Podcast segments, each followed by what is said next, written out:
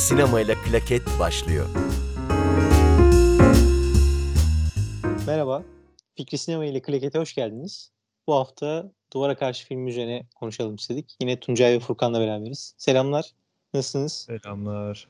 Selam. Gayet her şey e, yolunda diyelim. Sı- sıcaklar ve korona dışında her şey yolunda değil mi? Aynen. Süper. Ankara'da nasıl havalar Tuncay? Burada da sıcak ya. Sıcak değil mi? Ben seviyorum gerçi yazcıyım ben çok şikayet etmiyorum. Abi, Kışçılara. evet ben, ben de yazayım o yüzden pek şikayet edesim gelmiyor ama bazen gerçekten yanıyorum yani. Ama boğucu olmaya başladı evet hissediyoruz. çok fena çok. Gece uyutmuyor bazen. Duvara Karşı filmini konuşalım dedik bu hafta. 2004 yapımı bir film. Ben tabii hızlıca girdim yine ama e, Fatih Akın'ın en önemli filmlerinden bir tanesi. O dönem e, Altın Ayı da almıştı film 2004 yılında.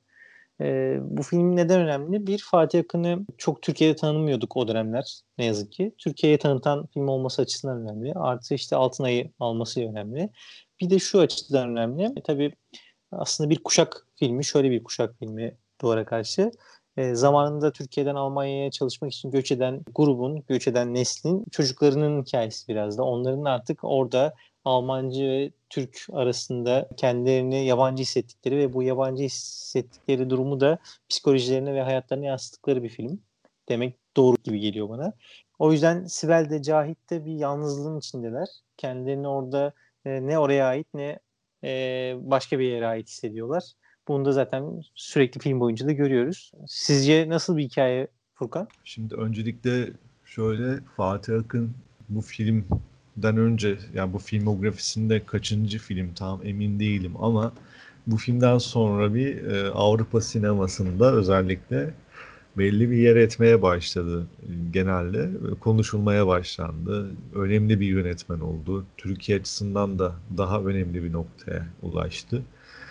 E, filmi ben şöyle tanımlayabilirim biraz e, aşırı bir film. İki türlü bir aşırılığı var bence. Bir o döneme kadar tabii biz bunu Türk sineması diye mi değerlendireceğiz yoksa bir Avrupa sineması içerisinde mi değerlendireceğiz bilmiyorum ama neticede şöyle bir şey var. Yani içerisinde Türk veya yerli unsurlara olan bir film içerisinde ya böyle bir filmde bu kadar çok böyle şiddetin ve aşırılığın olduğu ender filmlerdendi. Hani duygusal olarak bir şiddet öğesi olan filmlerimiz var ama bu filmin şiddet öğesi biraz daha şey gibi onu birkaç yorum okumuştum. Ee, kafamda böyle biraz da canlandı. Tarantino şiddeti ve mizahıyla beraber Trier e, duygusal şiddetinin karışımı bir film tarzında bir şey okumuştum. Tam cümleyi toparlayamadım ama yani bu yorum benim çok hoşuma gitmişti Duvara Karşı filmi özelinden. Filmde senin söylediğin gibi zaten o dönem çalışmak için Almanya'ya giden bir kuşağın çocuklarının yaşadığı e, bir durum anlatılıyor aslında. Hikaye onun üzerinden anlatılıyor daha doğrusu. Yani isterseniz hani ilk bir ufak yorumları yapalım sonra zaten Hı. film özetini anlatırız belki. Öyle devam ederiz. Hı hı. Ee, Sibel'le Cahit tabii değişik bir ortamda tanışıyorlar ve sonra da film boyunca devam eden birliktelikleri başlıyor. Aslında Ee, şeyde başlıyor işte bu aşırılık mesela e, hani Cahit'in intihar etme girişimi Sibel'in intihar etme girişimiyle beraber karşı tedavi gördükleri bir rehabilitasyon merkezinde karşılaşmalarıyla başlıyor. Bahsettiğim bu şiddet, e, duygusal şiddet ve aşırılık burada başlıyor zaten. Hı hı. Filmde bunun üzerinden devam ediyor. Bu şeyini kaybetmiyor film. Bu kimliği üzerinden hikayeyi anlatmaya devam ediyor. Zaten e, konuşmalar, diyaloglar falan örneğin işte Cahit'in hani intihar etmek istiyorsan kollarını dikine doğru kesmen lazım tarzında böyle çeşitli diyaloglar var. Onlar da e, ironik ve yine şiddet içerikli böyle. Güzel detaylar vardı filmde bu bağlamda. Hı hı.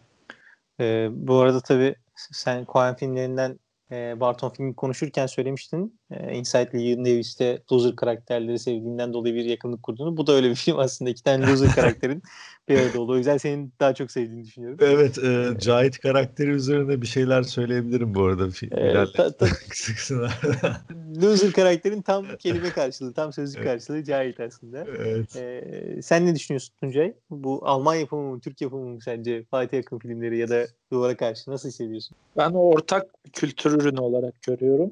Hem Almanca hem e, Türkçe konuşuluyor filmde zaten. Hı-hı. Karışık evet. bir dilli film. Hani işte sinemada ülke mi önemli, yönetmenin konuştuğu dil mi falan o tartışma uzar oraya girmeden şeyden bahsetmek lazım. Ee, kuşaktan bahsettiniz o kayıp kuşağı Fatih Akın da çok iyi biliyor. Çünkü kendisi de 73 Hamburg doğumlu. O e, kuşakla beraber büyüdüğü için Cahit gibi, Sibel gibi çok arkadaşı olmuştur. O insanlarla karşılaştığı için onları çok iyi anlayarak bir film yapmış. Ee, bu açıdan çok iyi, bir, çok sevdiğim bir film ayrıca. Bence kült bir film.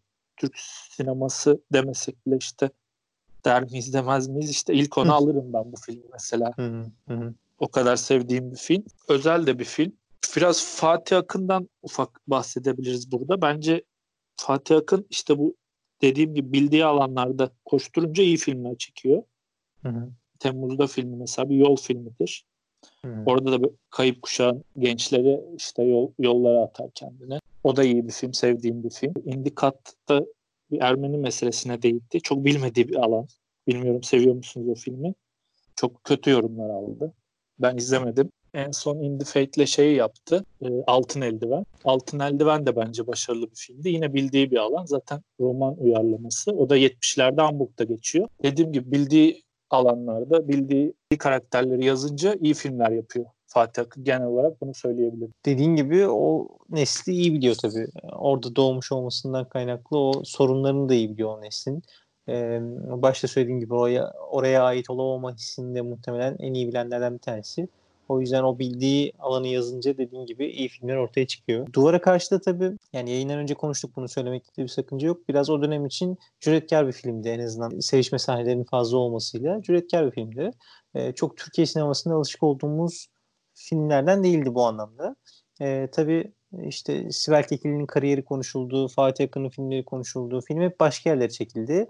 Ama altta baktığınızda bence de çok kaliteli bir film var. Bu her ne kadar filmin önüne geçen tartışmalar yaşansa da filmin üstünü örtebilecek bir durumda değildi film.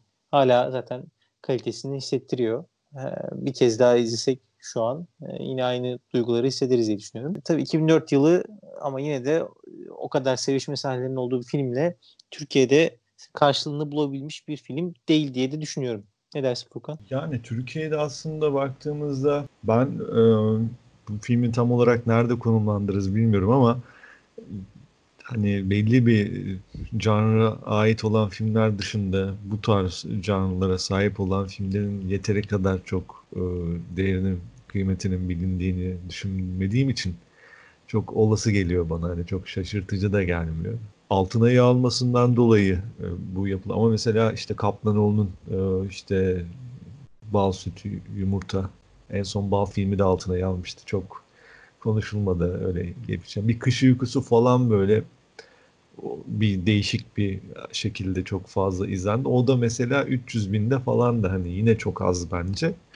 O yüzden e, hatta Haluk Bilginer'in falan da bir açıklaması vardı. Kanda ödül alırız, yerli basından kimse yok falan demişti. Yani o yüzden Türkiye'de zaten çok olası bir şey bu. Hani beklemek biraz artık şey haline geldi bence. Lüks haline geldi gibi geliyor bana. bu tarz filmleri. Onun dışında hani mesela Cahit karakterini açımlarsak biraz orada Fatih Akın Cahit karakteri için şöyle demiş. Onu bir röportajında gördüm. Ee, ona bir şey diyor, kayıp bir ruh diyor. Zaten filmde de e, eski işte eşini kaybetmiş ve artık ana göre yaşayan veya belli bir duygusal ritim bozukluğuyla sürekli hareketlerini tamamlayan bir adam. Onu da hatta şöyle tanımlıyor işte Fatih Akın. Diyor ki Kurt Cobain, Jim Morrison gibi şiirsel bir kendini yok etme halinin övgüsünü yapar diyor, yapıyor diyor Cahit için. Biraz hani şey bir havası da var böyle Cahit'in. Ne derler ona? Punkçı gibi zaten. Hatta punk ölmedi falan diye de böyle bir slogan atıp evde uyuşturucu kullandıkları bir sahne de var aslında şey de var Cahit'te işte 60'ların bu Amerika'da işte bit kuşağından veya işte Avrupa'da şekillenmiş biraz daha punk kültürünün getirdiği böyle agresiflik de var. Bunun yanında ve bohem de bir adam. Örneğin şey çok güzeldi. Sanat yönetmenleri açısından evinin o halini hatırlıyor musunuz mesela? Evet evet. Sigara dumanı, bira şişeleri ve darmadağın yani artık böyle o sonuna kadar verilmiş orada mesela. O çok şeydi. Ee, Ama Sibel'le evlendikten sonra Sibel evi toplayarak evet. zaten orada O- yine bir aslında şey Evet. var. Evet yine bir Anladım. şey var orada bir an, yani güzel bir detay o da. Detay evet. Evet e, Sibel'in mesela şeyi de çok iyiydi. O işte yemek yapma sahnesini falan. Ya böyle filmde ilginç böyle detaylar var. Mesela Evet. İşte o yemek yapma sahnesini sanki izlerken işte bugün filmi sanki bir yemek programındaymışım gibi falan. Belki ikilinin o dolma yapma sahnesini hatırlarsanız falan. Evet evet. Yine mi güzeliz yine mi çiçek eşliğinde. Evet. Daha sonra filmde mesela bazı şeyler de var. Yer yer yerleştirdiği müzik var örneğin. O da işte Boğaz'a karşı bir orkestranın, e, Türk musikisi yapan bir orkestranın işte kanun veya işte bir kadın vokal var.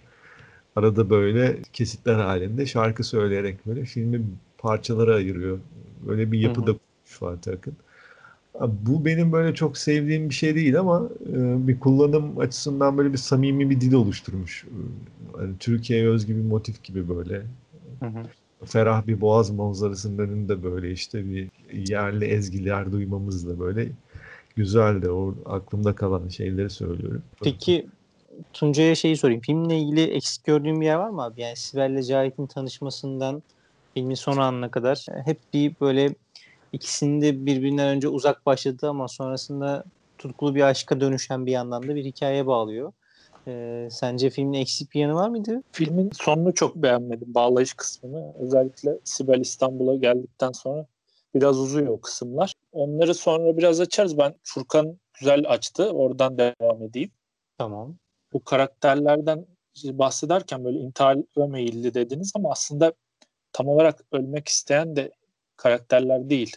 Acı çekmek istiyorlar. Biraz Furkan da söyledi. Duyguları hani uçlarda yaşamak istiyorlar. İşte aşkı nasıl yaşıyorlarsa şiddeti, o acı çekme isteğinin, duyguları yüksek perdeden yaşama isteğinin bir dışa vurumu olarak intihar denemelerinde bulunuyorlar ama işte bilek dikine kesmek işte paralel kesmek o kısmı bilmiyorum. Yani aslında intihar etseler ederler. Hı. Bu kuşak kayıp kuşak dedim orada önemli. Cahit barda şişeleri topluyordu sanırım ilk başlarda. Hani böyle uyduruk geçici işler doğru düzgün para kazanamıyorlar. Bu kayıp kuşağın en önemli özelliği o zaten. Doğru düzgün idealleri yok. Hani yüksek ideal kuramıyorlar, hayal kuramıyorlar. Biz Türkiye'de de bunu biraz yaşamaya başladık. Bence daha iyi anlıyoruz. Yani e, ev sahibi olmak falan filan. Oradan biraz Ahmet sen gir istersen. Evet evet yani o ama kayıp kuşağın en büyük problemi hep işte zamanında e, Almanya'dan gurbetçi futbolcular geldiğinde de hep söyledikleri şeydi. Onu unutamıyorum. Hamit Altıntop söylemişti galiba.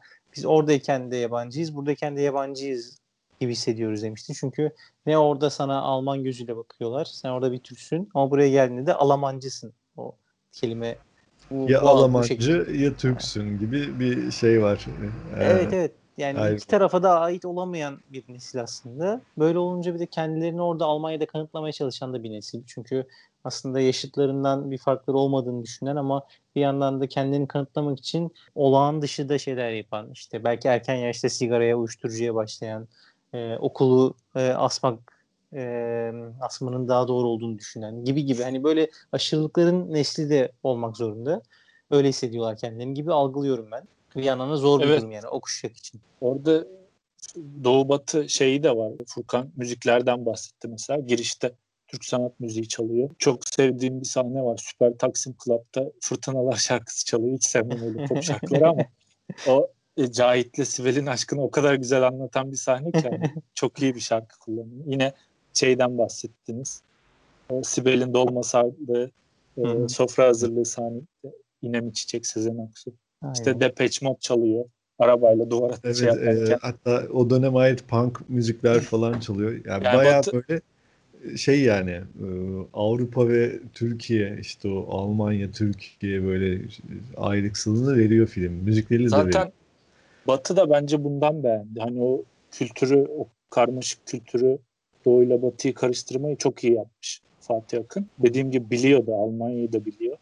Berlin zaten böyle bir yer. Türkler yaşıyor işte. Hispanikler, başka milletler yaşıyor. Çok karmaşık bir kültürden böyle bir film çıkarmak. Burada bence önemli nokta şu. E, bu filmin Berlin'de altın ayı alması. Çok hı hı. acayip bir olay. O sene şey yarışmış. Before Sunset'le Angela Poulos'un Ağlayan Çayır sanırım. İki büyük film. Onları da severim ama bu bence daha özel film. Hani onların daha Linklater'la Angela Poulos'un daha iyi filmleri var.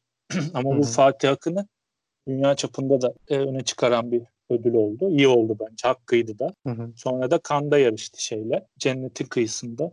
Orada senaryo ödülü aldı sanırım. Cennetin kıyısında kötü bir filmdi abi ya. Neyse onu gelmeyelim. Ben izlemedim. Neyse. Şeyden devam edeyim. Kiç Almanların kiç dedikleri Almanca bir kelime zaten. Böyle ucuz bayağı e, şeyden bahsetti Furkan'da. Tarantino Trier arası. Aynen Tarantino'nun şiddeti Trier'in işte uçlarda yaşanan duygusallığı güzel özetleyebilir. O kiç dedikleri ucuz bayağı kültür, alt kültür, kaybedenlerin hikayeleri. Buradan bir hikayeyle çıkıp hani Berlin gibi önemli elit festivalde ödül almak ben başka yönetmen bilmiyorum yani bu tarz filmler yapıp da hatta son filmi bir B tipi film gibi katil filmi. Onunla da yine Almanya'da yarıştı. Tabii Almanlar da seviyorlar. Kendi kültürlerinden sayıyorlar Fatih Akın'ı. Onun da payı vardır ama hı hı. dediğim gibi bu alt kültür hikayeleriyle bu elit sinemada, yüksek sinemada önemli iş yapmak bence büyük başarı. Fatih Akın da biraz Türkiye'de gereğince övülmüyor bence. Zaten bu filmde konuştuğumuz gibi hani sinemaya ilk çıktığında çok yanlış şeylerle konuşuldu. Çok yanlış bakımlardan konuşuldu. Sonradan zaten internette kültleşti film. Yani Hı. işte sahnelerini konuşuyoruz. Çok iyi sahneleri var. Sonradan Kürtleşti. İnsanlar sahip çıktılar. Hem Almanya'da yaşayan Türkler hem Türkiye'de yaşayan Türkler. O açıdan özel bir film bence. Doğru. Az önce siz şeyleri söylediniz bir iki sahne. Benim de unutamadığım sahnelerden bir tanesi bu işte kız istemeye giderken ısrarla Cahit soruyor Şeref'e işte alkol var mı alkol var mı diye eve gidince bir daha Sibel'in babası soruyor alkol var mı? Hani o şeyi çok iyi veriyor. İşte Müslüman eve giderken aldığın çikolata bile dikkat et. Ee, aman yanlış bir hareket yapma gibi işte abiyle sürekli zaten bakışarak geçen bir kız isteme sahnesi. Gerçekten çok iyiydi. Yani şey bir de duvara karşının en güzel yanlarından bir tanesi iki tane loser karakter, iki tane aşırılarda yaşayan karakter ama e, senaryo öyle bir işlenmiş ki o e, aşırılık hayatın dışında bir aşırılık olmamış. Gerçekten hayatın içinde olabilecek iki karakteri bize sunmuştu olarak karşı filmi. Bu anlamda da çok başarılı olduğunu düşünüyorum. Şimdi karakterlerde örneğin şu da çok önemli bence. O çok ilgi çekici e, bir noktada duruyor. En azından hani yerli sinema ya da yerliye göz kırpan bir sinemada e, örnekleri arasında Hatta belki daha önce daha sonra da yapılmamıştır. Hiç emin değilim. Örneğin e, Sibel karakterine baktığımızda Nico ismindeki o işte ona musallat olan ve daha sonra Cahit'in onu öldürmesiyle sonuçlanan olayda işte Nico e, daha önce bir gece birlikte oluyorlar. Daha sonra Sibel'le tekrar bir şeyler yaşamak için onu sıkıştırdığında o da işte sadece merak ettim seni ve birlikte bir vakit geçirdik deyip başından sağmaya çalışıyor. Şimdi bizim hani Yeşilçam melodramlarında şey vardır ya e, bedenime sahip olabilirsin ama ruhuma asla. Burada mesela bu bayağı bir kırılıyor. Şeye dönüşüyor resmen hani ne bedenime ne ruhuma sahip olabilirsin. Ben istersem e, senin bedenine sahip olabilirim. O da ben istersem diyor. Bir kadın e, karakterin hı hı. bu şekilde konumlandığı bir film duvara karşı. Daha sonra böyle bir karakter izledik mi yerli sinemamızda yani veya Fatih Akın sinemasında falan hiç emin değilim. Aklıma gelmiyor örnek olarak. O açıdan da karakterler nezdinde de özgün duran bir şey. Belki kız kardeşlerdeki büyük ablayı söyleyebiliriz. Eşine ha, istediği evet. zaman eşine sahip doğru. olan bir karakter. Ama tabii, dediğim tabii, gibi duvara doğru. karşıdaki o kadının tek başına ayakta durması hatta kendi özgürlüğü için bedenini tahrip etmesi, intihara teşebbüs etmesi, ve e, ailesinin yanından da uzaklaştıktan sonra Cahit'le evlendikten sonra da tamamen o özgürlüğünü yaşayabiliyor olması, ayakları üzerinde durabilmesi e, belki de işte yine Tuncay'ın söylediği gibi o dönemki e, eleştirilerin en büyük nedenlerinden bir tanesi de buydu. Belki Türkiye için fazla özgürlük e, özgür, özgür görünmüş olabilir o karakter. Ama doğrusu da belki de bu. Filmin hani aşırı diyoruz ya e, duygusal olarak aşırı, şiddet olarak aşırı. Mesela senaryoda da bazı yerlerde eleştirebileceğim bir noktası olarak söylüyorum filmi. Ben de çok seviyorum. E, ritim olarak da böyle yönetmen sanki bir şeylere çok acele ediyormuş da veya çok altını doldurmadan e, bir detay koyuyor oraya. Atıyorum Sibel'in Cahit'i işte hastanede görmesi ve Türk olduğunu gördükten sonra seninle evlenmek istiyorum demesiyle başlayan bir hikaye zaten. İşte orası bana çok aceleci geldi örneğin. Yani en azından e, Cahit'le Sibel'in başka bir şekilde e, yakınlaşmasını isterdim bir izleyici olarak. Ama orada hani çok böyle sürreale kayacak bir e, durum içerisinde böyle tanışıyorlar ve vakit geçirmeye bile başlamadan evleniyorlar. Bunu bir şekilde anlayabilirim ama daha sonra işte hastanenin e, gece şeye çıkıyorlar. Hatırlıyorsunuzdur. İşte bira içmek için kaçıyorlar hastaneden.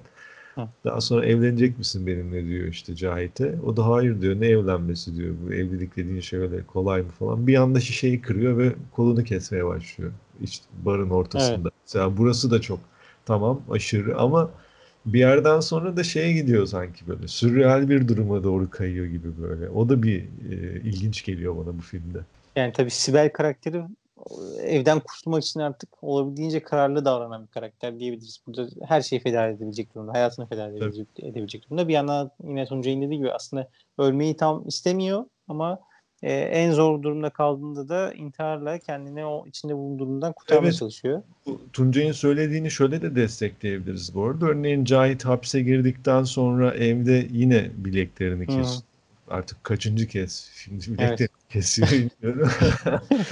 Orada da mesela tek başına zaten yani istese kendini öldürebilir ama yine durduruyor bir yerde. Aslında Hı.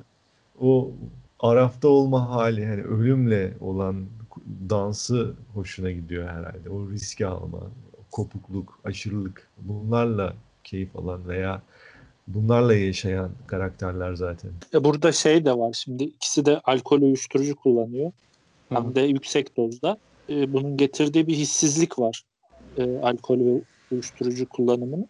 Doğru. Dolayısıyla duyguları e, yaşadıkları şeyleri tam algılayamıyorlar. O yüzden daha yüksek e, dozda eylemlerde bulunuyorlar. Yani biraz bu hissetme çabası aslında hayatı. Hı hı. Halbuki mesela o kadar alkol uyuşturucu kullanmayan biri o şeylere girmez. Bence bu arada Furkan'a hiç katılmıyorum orada. Bence tam tersi. Filmin biçimi içeriğine çok güzel uyuyor. Hani böyle uzun planlar olsa, uzun uzun tanışsalar falan tam olmazmış. O dediğim kiç dediğim şey, o ucuz bayağılık biçimde de var. Mesela yine Fırtınalar şarkısını çaldığı diskoya şey Çok seviyorum çünkü açıp açıp dinliyorum. Orada mesela kamera iki karakterin arasında 8 yapıyor böyle saçma komik bir e, baya ucuz bir teknik yani ama o filme yakışıyor yani. Dediğim gibi biçimle içerik uyuyor. Bu açıdan doğru evet. Biçimle içerik kesinlikle bu filmde çok uyuyor ama şey durumu var orada örneğin işte e, hani geliyor hastanede mesela görüyor ve bir anda şey diyor işte Cahit e, merhaba diyor Cahit işte e, o da merhaba diyor evlensene benimle diyor o da siktir lan falan diyor gidiyor falan böyle şey yani ya, hani, bir anda karakter motivasyonu oldu. bekliyorsun sen evet geçmişlerin ama işte kayıp kuşak olduğu için artık hayatın şeyindeler yani. Uçun en çaresiz noktadalar ve Sibel de şeyden önce bahsettiniz. Burada kayıtta konuştuk mu bilmiyorum. Muhafazakar bir ailede ve kurtulmak evet. istiyor yani evet. bir an önce. Onun şeyi de var. E, aceleliği e, hareketlerinde. Filmin biraz şeyi var mesela işte. Ya bir de Almanya'da geçiyor. Hani evet Ankara'da İstanbul'da geçse belki biraz yavaşlık bekleyebiliriz ama o Almanlar da hızlı yaşıyorlar aslında. O, onlardan öğrendikleri de bir şey. Karışık bir kültür dedik ya. Hı hı. Evet evet. Ve şey de var örneğin hani filmin e, ele aldığı karakterlerden ziyade bir aile durumu da çok şey belirgin orada. Yani Türkiye kültürüne ait o muhafazakar kültüre ait çeşitli doneler falan güzel aktarılmış yani güzel yedirilmiş. Örneğin o işte likör muhabbeti Hı hı. Az önce konuştuğumuz. Ailenin e, abileri ve enişteleri işte aralarında işte Cahit'le beraber okey oynadıkları sahnedeki diyaloglar orada işte Cahit şöyle gerçekleşiyor orada onu anlatayım çünkü yayından önce konuştuk şimdi burada konuştuk Hı hı. bir an. İşte okey oynuyorlar ve bir genel evin e, yeni işte Afrikalı ve farklı ırklardan kadınların geldiğinden bahsediyorlar. Cahit de onları siz neden karılarınızla yapmıyorsunuz falan deyince böyle sen nasıl bizim karılarımız hakkında böyle ileri geri konuşursun diye böyle bir çıkışıyorlar. Hı. Böyle kavga falan çıkıyor. Bu sahne örneğin şeyde Almanya'da falan çok gülünen bir sahneymiş. Ee, Türkiye'de de muhtemelen gülünmüştür. Komik bir sahne zaten. Yani o Türkiye'ye ait aslında şey var. Yine bir muhafazakarlık var ama her türlü ahlaksızlık diyebileceğimiz şeyi de yapan bir erkek topluluğu var orada. Bu da aslında biraz hala e, günümüze de biraz geçiş olmuş bir durum. Hala devam ediyor bu yani. Bir de tabii şu var orada. Cahit karakteri her ne kadar işte uyuşturucu içen önüne gelenle yatan bir adam gibi görünse de kendi ahlak onun ahlakında bile sen neden bunu eşinle yapmıyorsun diye, diyerek oradaki ortamdaki erkeklerin şeyini sorgulaması, ahlakını sorgulaması da çok ironik. Aslında kara mizah var burada da. Burada Bu da çok önemli.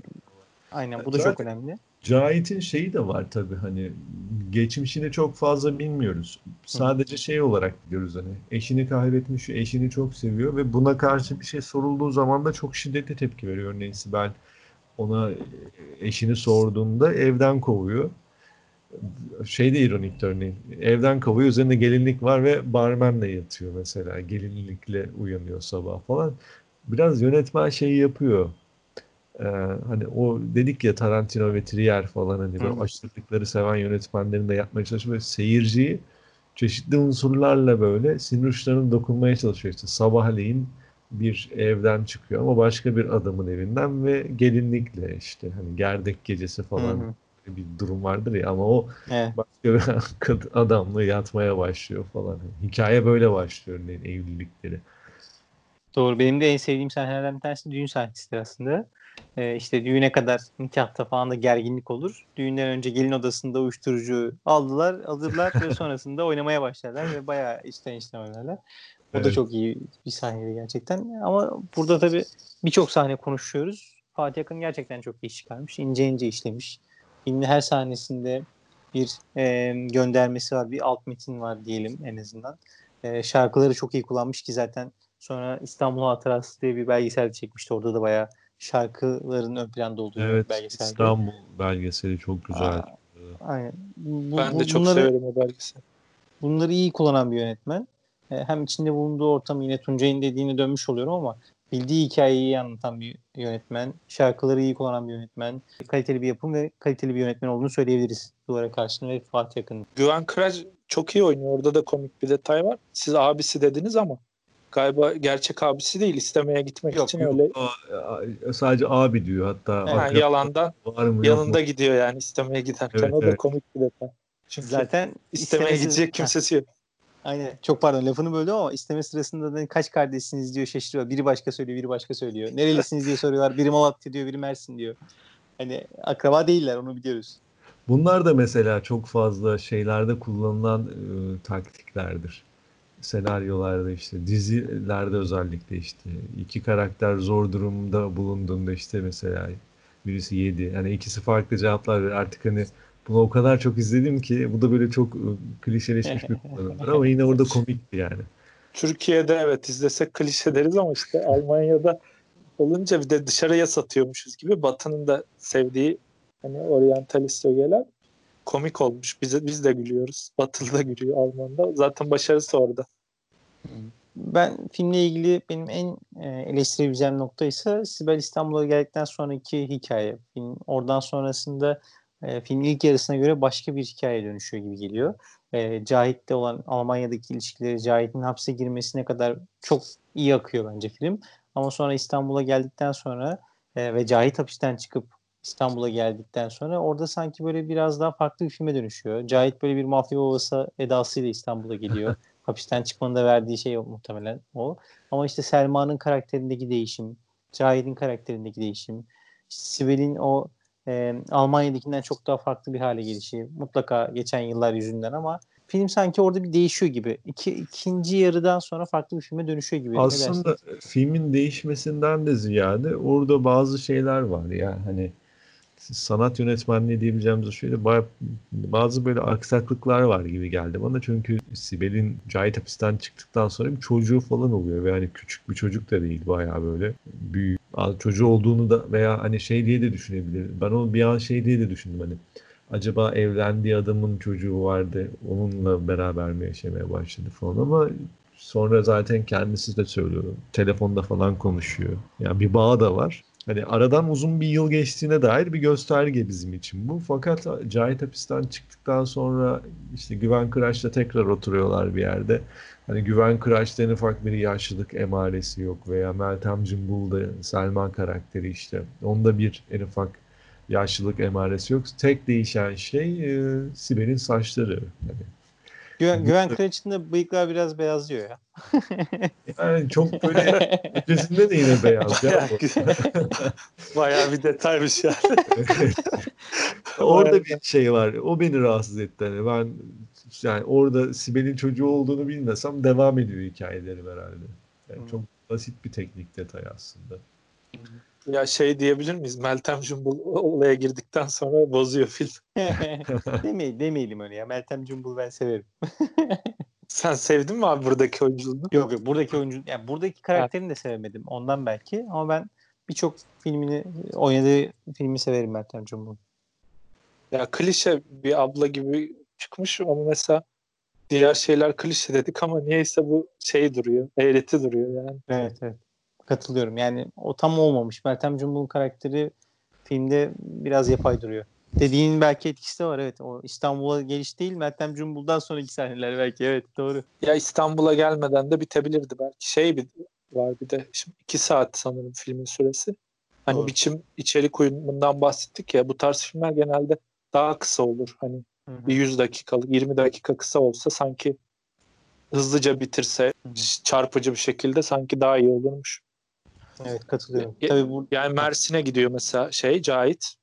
Alakasız yani. Mersin'de ne işi var Cahit? Hiç Mersin'e gidecek adam değil değil mi? yani. Ya, o, o motivasyon nereden geliyor mesela yine? Hani hmm. bir anda Mersin'e neden gitmek istiyor falan. En azından e, tabii bunu böyle çok uzun uzun anlatmasa da bir diyalogda bile ha şundan dolayı Mersin'e gideceğim falan bile dese daha şey ama hani zaten film senin söylediğin gibi yani böyle çok parçalı ve şey gidiyor yapısal olarak. Yani yönetmen biraz böyle dağınık bırakmış özellikle sanki öyle geliyor. Bence işte İstanbul o... kısmı dağınık görünüyor. Heh, aynen, Almanya, Hamburg'da çekilenler dağınık değil bence. Çok güzel Kesin, işliyor. Orası çok tutarlı zaten ya. Çok ben de Almanya bölümünü çok sevdim özellikle. Şeyde de zorlanmış olabilirler bu arada. 2000'lerden İstanbul'da çekim yapmakla. Bilmiyorum Hamburg'da çekim yapmak. Ama ne yönetmen, yönetmen ama çok şey yapıyor ya. Hani sonra da İstanbul'da çok çekim yapıyor. Yani devamlı Yok. kullanıyor. Yok ben de onun etkisi olacağını sanmıyorum ya. 2000'lerde yine İstanbul'da niye zorlansın? Hatta uluslararası yapım olduğu için daha bile ilgi çekici hale gelebilirdi. Ya bizim bürokratik işler işte belediyeden hmm. izin falan filan. Hani Anladım. belki zorlamış olabilir. Almanya'da öyle sorunları yaşamamış olabilir diye hani iyimser bir tahmin yapıyorum. Hani Anladım. Fatih Akın'dan suçu şey yapmaya çalışıyorum. yani ben pek şey yapamadım ona. Kafama yatmadı ama olabilir. Olabilir. Çünkü gerçekten 2000'lerin başı işte hep konuştuğumuz eşkıya ile 95-96 yılları ile işte Tavut Öşata ile oradan yeniden ayağa kalkan bir Türkiye sinemasının olduğu bir yerde e, henüz daha sinemanın verdiği e, reflekslere sahip olmayan bir ülke. Yani Yeşilçam'dan sonraki o ara nedeniyle birçok refleksini unutmuş, sinemaya sahip çıkmamış. E, sinema salonlarında ağırlıklı olarak yabancı filmlerin e, oynadığı bir ülke. Bu anlamda dediğin doğru olabilir. Evet. Genel olarak aslında Fatih Akın iyi finaller yapamıyor diyebiliriz herhalde. Şeyin finalini de çok beğenmemiştim. In the Fade'in. Kolay bir şey değil ya bu tarz filmlere final yapmak bilmiyorum. Ben yani, eksiği var bunun finalini yine şeyi buldum ya diğer filmlerine nazaran hani Cahit'in otogarda tek başına kalması güzel bir kapanıştı yine. Hani Sibel'in son anda vazgeçmesi ama finale doğru giden yollarda biraz Evet evet var. katılıyorum. Hala- Ama işte. Mer- Mersin'e gidişi biraz şey kalıyor ya. Hani o anlamda o finalin içine onu da katarsan evet çok zayıf bir final bence de. Filme göre yani kötü olarak çok söylemek istemiyorum ama filme göre zayıf bir final. E, Paramparça In The Fate'de hatta bence bundan daha iyiydi ya. E, dediğin gibi orada da çok iyi bir final değil ama bundan daha iyiydi. Orada da kadının acısını sonuna kadar hissediyorduk çünkü. Yani Ya orada tartışmalı bir final vardı. Oraya girmeyelim bence. girmeyelim girmeyelim. Biz e, duvara karşı Duvara karşı. Evet. Şunu söyleyeyim. Fatih Akın tabii işte duvara karşı da kendini tanıtıyor dedik. İşte Avrupa sinemasında önemli bir yer edin dedik. Bunun en önemli sonuçlarından bir tanesi de 2005 yılında Film Festivali'nde de jüri üyeliği yapıyor. Bu da önemli. O dönem Javier Bardem, Emir Kusturica falan da yer alıyor jüride. Onlarla beraber jüride yer alması işte belki yine dediğimiz gibi Almanya'da da ya da Avrupa'da da sevilen bir yönetmen. İyice ön plana çıkıyor. Yani kendilerinden biri olarak görüyorlar diyebiliriz Fatih Akın'ı. Fatih Akın'ın orada yaptığı şey çok e, önemli bence. Bu bahsettiğimiz kuşak içerisinde Almanya'da hatır sayılır bir şekle bürünmüş bir yönetmen olabilmek çok önemli. Öyle bir kariyer inşa edebilmek. Çünkü Almanya'da en fazla futbolcu çıkar herhalde Türk olarak. Yani bir algı vardır ya. Ama Fatih Akın bayağı ulus ötesi bir yönetmen yani. O açıdan çok değerli yani. Ee, bu filmin tabii biçim içerik uyumu falan dedik özellikle. Şeyleri falan da hani ben çok beğenmiştim filmde. Bazı yerlerde az önce eleştirdiğim bu sanat yönetmenliği konusu var ya hani ama bazı yerlerde de çok iyi örneğin işte o bazı sahnelerde tasvir işte kullanılan mekanlar güzel tercih edilen yerler var. O Tarlabaşı sokakları İstanbul'un arka kuyucu köşelerindeki ikinci sınıf barlar. Bunlar güzel detaylar hani. O iki türlü de şeyi var filmin. Aslında bu yani sanki yönetmen böyle acele etmiş gibi geliyor. Öyle bir hissi büründürüyor. Bazen böyle çok iyi hamleler yapmış, bazen böyle yapamamış gibi böyle öyle bir duyguya sürükledi beni bilmiyorum. Doğru. Özellikle ben de Tarlabaşı Taksim sahnelerinin İstanbul'daki eksikliğine rağmen filmin İstanbul'daki eksikliğine rağmen kullanılan mekanlar olarak ben de doğru ve güzel buluyorum. İşte Sibel'in tecavüze uğradığı bardan dayak yediği sokaklara kadar hepsi filme uygun sahnelerdi. Fatih Akın'ın buraları da iyi bildiğini ya da iyi bilen biriyle çalıştığını en azından söyleyebiliriz. Ee, Almanya'daki sahneler de öyle. İşte evi sen söyledin Cahit'in evinin kurgusu işte yani oradaki içerideki eşyalardan dağınıklığına kadar çok iyi kurgulanmıştı gerçekten. Kusturica Ahmet. Onu, Evet. onu hatırladım. Onu söyleyecektim. Ya yine aynı kelimeleri tekrar edeceğim ama işte bu de, kiç dediğim çirkin estetik Kusturica'da da var.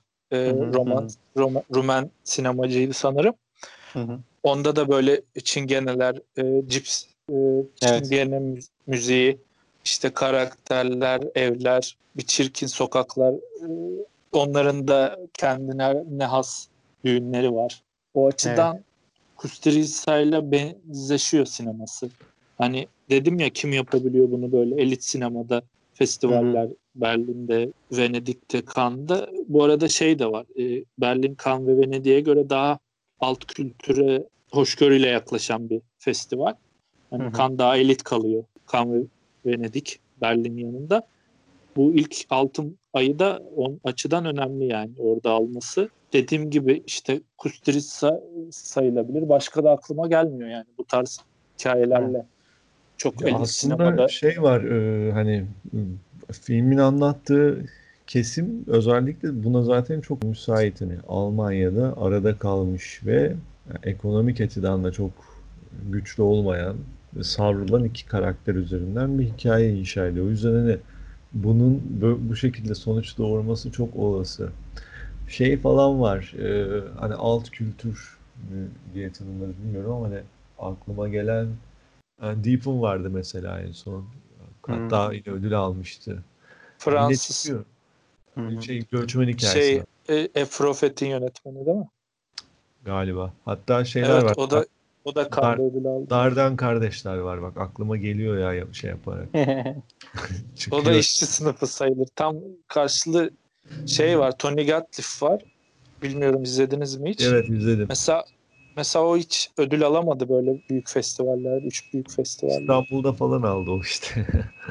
İşte yani diyorum ya çok büyük başarı bence Fatih Akın'ın. Ya ödül alması da çok önemli değil. Hani unutulur gider ödülleri. Kültleşti yani Türkiye'de. Evet evet. Sahiplenildi. Şu an için aradan 15-16 yıl geçmesine rağmen hala ilk günkü kadar bilinen hatta daha da çok şey bilinen. de var tabii bu arada. Yani Nuri Bilge Ceylan falan saydığımız ödül aldılar ama e, Fatih Akın'ın filmleri hem art house oynuyor hem o ana akım oynuyor. Ki seyirciyi de e, şey yapabiliyor, sevdirebiliyor kendini. Özellikle o Mesela- açıdan bence çok önemli bir noktada bak bu çok doğru. Ritim açısından örneğin film çok şey bir film hani böyle ritmik böyle bayağı hani hiç koparmıyor seni. İçerikle de aslında uyumlu işte o karakterlerin hayatıyla filmin yapısı da o açıdan uyumlu. Yani ağır bir tempoda ilerleyen bir film de değil. Diyaloglardaki mesela komedi unsurlarından tutun işte o sertlik, geçişler, hani kamera kullanımı her şey uyuyor zaten. Hani Zaten bir filmin herhalde ilk temel kurallarından birisi biçim içerik uyumudur muhtemelen. Hani bu en çok kabul edilmiş bir gerçeklik herhalde. Burada da zaten bu yapılıyor. Sıradan izleyici mesela Nuri Bilge Ceylan sevmeyebilir. Ama Hani Fatih art house Akın'da- sevme. Fatih Akın ama herkes seviyor. O başarı yani. Hı hı. Bence Türkiye'nin sinemasına ihtiyacı olan filmler de bu bence. Yani bu tarz karakterler. Gerçi son Ama dönemde biraz kentli ama- hikayeleri.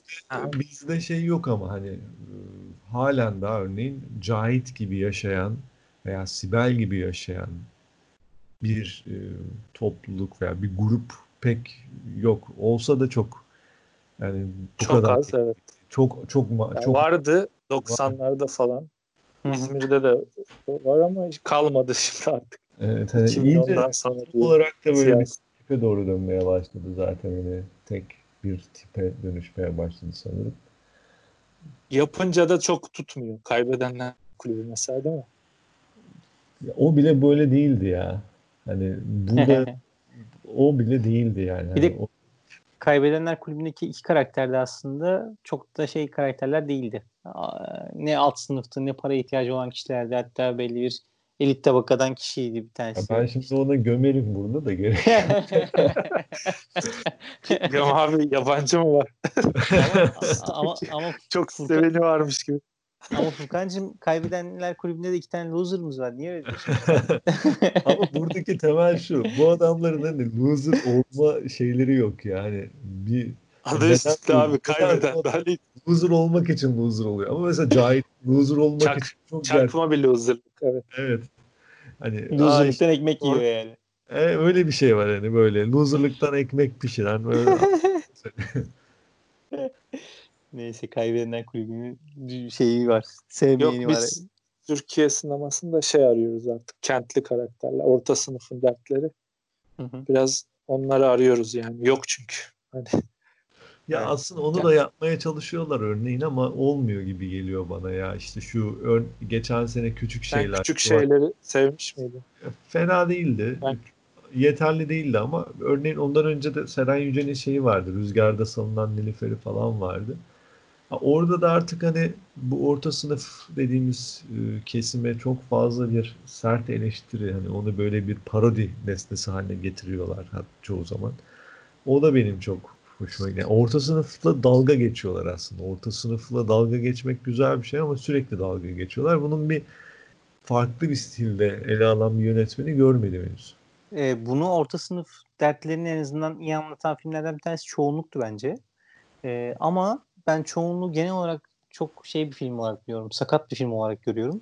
Ee, ben çok beğenilen bir film olmasının aksine ben beğenmediğim bir film Ben çoğunluk. severim Ee, ya. Şu yüzden çok o işte milliyetçi şeyleri göze sokmaya çalışıyor doğru ama hep böyle havada kalıyor bir, bir ayağı. Ben hikayeyi tam temellendiremediğini düşünüyorum. Ee, ama duvara karşıya bağlayacak olursam da ya da az önceki konuya işte o orta sınıfı ya da sıradan o e, Türkiye insanlarını göstermesi anlamında çoğunluk iyi bir filmdi. Yani en Ben- azından aile, aile yapısını Ya gösteriyor. işte en önemli noktalardan biri bu filmleri karşılaştırdığımızda bizim hani hemen hemen şimdi kaçıncı yayınımız bilmiyorum ama hep şunu söylüyoruz ve bu, burada bir kere daha açığa çıkıyoruz. Sinemada karakter çok önemli. Hani olaydan ziyade burada karakterler çok iyi yazılmış ve onun çerçevesine bir olay yerleştirilmiş. Ama bunun karşısında da örneğin bizim Türkiye sinemasında bu orta sınıfla veya bir sınıfla alakalı film yapan yönetmenler bu sınıf meselesini çok fazla e, hikayenin veya senaryonun göbeğine yerleştiriyorlar. Bu da artık bir yerden sonra şeye dönüşüyor. Yani bir hikaye anlatmaktansa gündelik bir siyaset yapıyormuş gibi bir gazetecilik yapıyormuş gibi veya bir duruma sevk ediyor hikayeyi. O da çok uzun süre, uzun soluklu bir filme dönüştürmüyor ama biz hani mesela bu yayında sürekli karakterleri konuşuyoruz. İşte Cahit karakterini, Sibel karakterini. Onlar üzerinden gelişen bir akış var. Ama diğer karşısına baktığında bunun tezat örnekleri de çok fazla. Bu filmde işte bunu güzel başarıyor zaten. E, o, o yüzden zaman, hala konuşuyoruz yani. O zaman Kemal Sunal'dan sonra kimse orta sınıfı düzgün anlatamadı deyip oraya bağlayayım ben. yine, ya, yine var mesela şeyler falan onları da sayabiliriz herhalde. Yani gerçi o orta değil orta üst, üst sınıf işte kış uykusu atıyorum. Yok canım kış uykusu ortasını tabii ki diyemeyiz. Değil yani üst sınıf falan işte. Bir zamanlar Anadolu'da da bir sınıfla alakalı bir durum yok. Bir durum yok doğru. Orada hani biraz köylüyü de gördüğün, biraz işte orada polis şey savcı ve e, doktorla İstanbul'dan uzaktaki o elit e, İstanbullu insanları gördüğün şey bir filmdi. Evet evet. Yani ee, çok sınıf ayrımı yapmayan film. Evet, mesele aslında işte şey önemli her zaman yani biz karakter çok önemli. Hani sınıf mücadelesinde eğer veya sınıfla alakalı problemleri de buradaki işte sınıf ne Almanya'daki arada kalmış ne Alman olabilen ne Türk olabilen bir sınıftan bahsediyoruz. Hani bunu iki karakter aracılığıyla veriyor. Direkt hani böyle bir sınıf belgesel gibi vermiyor da bu çok işte başarılı kılıyor. Dolayısıyla biz aslında Duvara Karşı filmini sevdik diyoruz üçümüz de. Üçümüzün de değer verdiği Türkiye sineması evet, adına. Sevmeyen yoktur herhalde bilmiyorum. Vardır vardır. Yani bence hala o, o dönemki gündemin etkisinde kalanlar, filme karşı önyargılı olup izlemeyenler, sev, izleyip de sevmeyenler mutlaka vardır. Mutlaka bizden farklı düşünen kişiler vardır. Saygı duyuyoruz ama bizce hem Fatih Akın'ın filmografisi anlamında çok iyi bir film olduğunu hem de o dönemin Türkiye sineması adına da her ne kadar Almanya Türkiye ortak yapım gibi olsa da Fatih yakından dolayı Türkiye sineması diyelim. Türkiye sineması adına da önemli yapım olduğunu düşünüyoruz. E, sonrasında da Türkiye sinemasına çok büyük katkıları olduğuna da inanıyorum ben duvara karşının. Bu anlamda izlemeyen hala varsa ve ön yargısı varsa burada bir kenara bırakıp izlesin derim. Ee, var mı sizin eklemek istediğiniz başka bir şey? Yani çok yeni Türkiye sinemasında sayılmıyor. Ee, saymayalım bence de. Furkan dedi ya çok kategorize etmek kolay değil Fatih Akın'ı. Ee, dünya e, insanını kavrayan bir şey. Hem Almanlara hem Türklere hitap ediyor. Hani hı hı. Nuri Bilge Ceylan, Demir Kubus, işte Erdem sayıyoruz ya onların arasında görmüyorum. Çoğunlukla görmüyordur herhalde. Olması da zorun olması da değil, gerekmiyor değil. bence. Evet. Kesinlikle. Bir katkısı oldu dedin ama bence katkısı da olmamıştır. Olması da gerekmiyor yine. Dediğim Yok, gibi. Hani gerekiyor hani... değil tabii ki, tabii ki. Yani en iyi 10 Türk filmi arasında saymam belki ama benim için özel film en, en, en özel 10 film arasına girer. Çünkü Hı. iyi iyi bildiğimiz gibi biraz göreceli bir kavram. Orijinal düşünüyoruz. Beni ee, kav- yakaladı yani bu film karakterleri. Zaten sinema başta olmak üzere bence hiçbir konuda milliyetçi bir bakış açısına bakmamak lazım. İlla Türk filmi ya da Avrupa filmi o anlamda söylemek istemedim ama hani bizim Türkiye insanına hitap eden işte Türk yerli oyuncuların ya da e, Türkiye'li oyuncuların olduğu bir film olması anlamında bir Türkiye'lilikten bahsettim. Yoksa e, bir vatanı, bir milleti olmak zorunda değil. Sanat orada sana hissettirdiğiyle e, yaşıyor ve büyüyor. Bu anlamda ben bir şeyler kattığını düşünüyorum. Ee, yoksa hiç o şey değilim yani. Hani milliyetçi bakmıyorum burada olaya. yok yok öyle anlamadım zaten. Ee, yani dedim Türkler de sahiplendi zaten filmi. Evet evet. Ama dünya sineması yaptığı için zaten Berlin'de Cannes ödül aldı Fatih Hmm. Yani hmm. burayı öne çıkarmak lazım. Doğru. Teşekkür ederim o zaman ikinize de. Güzel bir yayın oldu. Sevdiğimiz bir filmi konuştuk. İyi de bir film olduğunu düşüne, düşündüğümüzde tekrar tekrar söyledik. Daha, daha yarım ee, saatte konuşuruz. daha, daha konuşuruz gibi hakikaten. Çünkü sahnelerin içine girdikçe aslında konuşulacak çok şey var. Hatta işte tam bir özetini bile yapmadık. Ee, sevdiğim sahneleri konuşa konuşa ilerledik. Çünkü her sahnede bize bir şey ifade ediyor. Bizde bir iyi bir iz bıraktı film. Bu anlamda biz gerçekten duvara karşı seviyoruz diyebiliriz. Hani bu kadar çok sahnesini hatırladım. Gemide aklıma geliyor yine böyle kütleşen. Başka da aklıma gelmiyor yani.